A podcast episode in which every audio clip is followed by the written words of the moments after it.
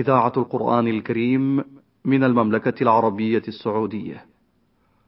أعمال القلوب في الكتاب والسنة.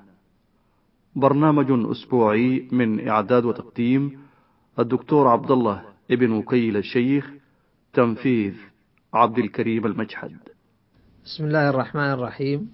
الحمد لله رب العالمين والصلاة والسلام على نبينا محمد وعلى آله وصحبه أجمعين. أيها الإخوة المستمعون السلام عليكم ورحمة الله وبركاته وبعد. إن الناظر في سيرة النبي صلى الله عليه وسلم يجد أنه قد جمع بين ركني التوكل وهما اعتماد القلب على الله في تحصيل المراد أو دفع المكروه، والركن الثاني فعل الأسباب الممكنة، وإنما تستفاد معرفة الحقائق الشرعية من تطبيقات النبي صلى الله عليه وسلم، فهو المبين عن الله مراده، ولذا حفلت سيرته صلى الله عليه وسلم ببيان التوكل بيانا عمليا. ولنضرب لذلك بعض الأمثال. أولا حادث هجرته صلى الله عليه وسلم إلى المدينة مليء بالعظة والعبرة في هذا الأمر، فقد التمس صلوات الله وسلامه عليه الرفيق في رحلة الهجرة، وقال لجبريل: من يهاجر معي؟ فقال جبريل: أبو بكر الصديق، رواه الترمذي من حديث علي وقال حديث حسن صحيح. وأوهم وأوهم صلوات الله وسلامه عليه المشركين بأنه لا يزال في مكة معهم فألبس ابن عمه علي رضي الله عنه بردة وجعله يبقى في بيته وفي منامه ليظن المشركون أنه صلى الله عليه وسلم لا يزال موجودا بعد أن عقدوا العزم على قتله ثم خرج صلى الله عليه وسلم وصاحبه إلى غار في جبل ثور وهو في جهة معاكسة لمن يريد أن يخرج إلى المدينة. وبقي صلوات الله وسلامه عليه في الغار ثلاث ليال. وقد وكل عبد الله بن أبي بكر بأن يتابع أخبار قريش وماذا يقولون؟ فيأتيهم بها عند الليل. ورتب لأمر الطعام عامر بن فهيرة مولى أبي بكر فكان يأتيهما بالليل حين تذهب ساعة من العشاء. واستأجر صلى الله عليه وسلم رجلا من بني الديل هاديا للطريق. وقد أخذ بهما طريق الساحل والذاهب إلى المدينة عادة لا يسلك هذا الطريق. لقد فعل صلوات الله وسلامه عليه كل احتياطات السلامة التي يقدر عليها ولكنه مع هذا بقي شديد التوكل على ربه وقد ظهر ذلك في موقفين في هذا الحادث.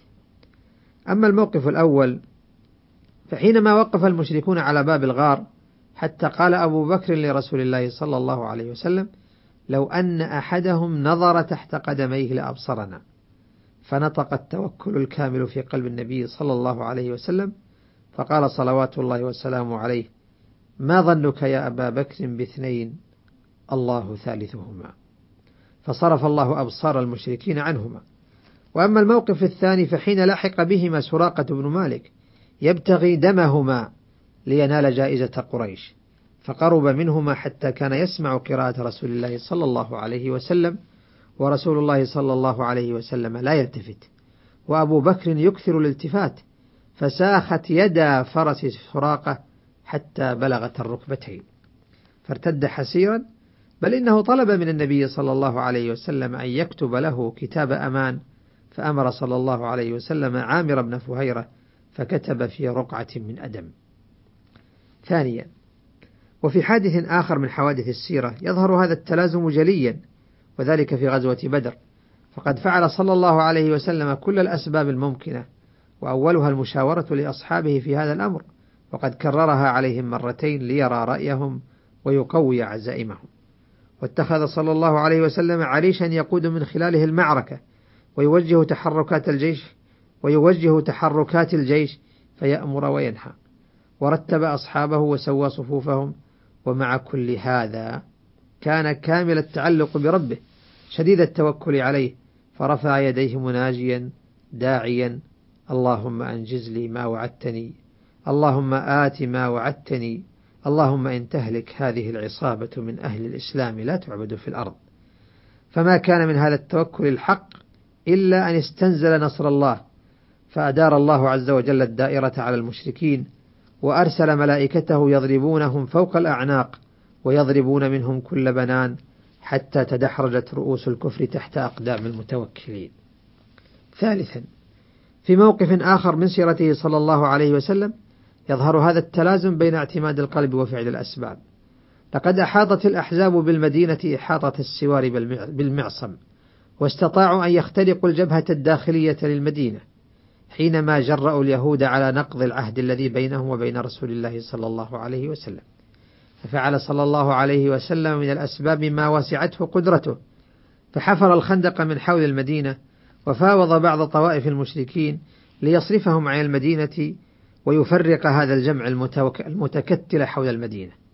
وجمع أصحابه حتى لم يعد في مقدور أحدهم العودة إلى بيته إلا بعد الاستئذان.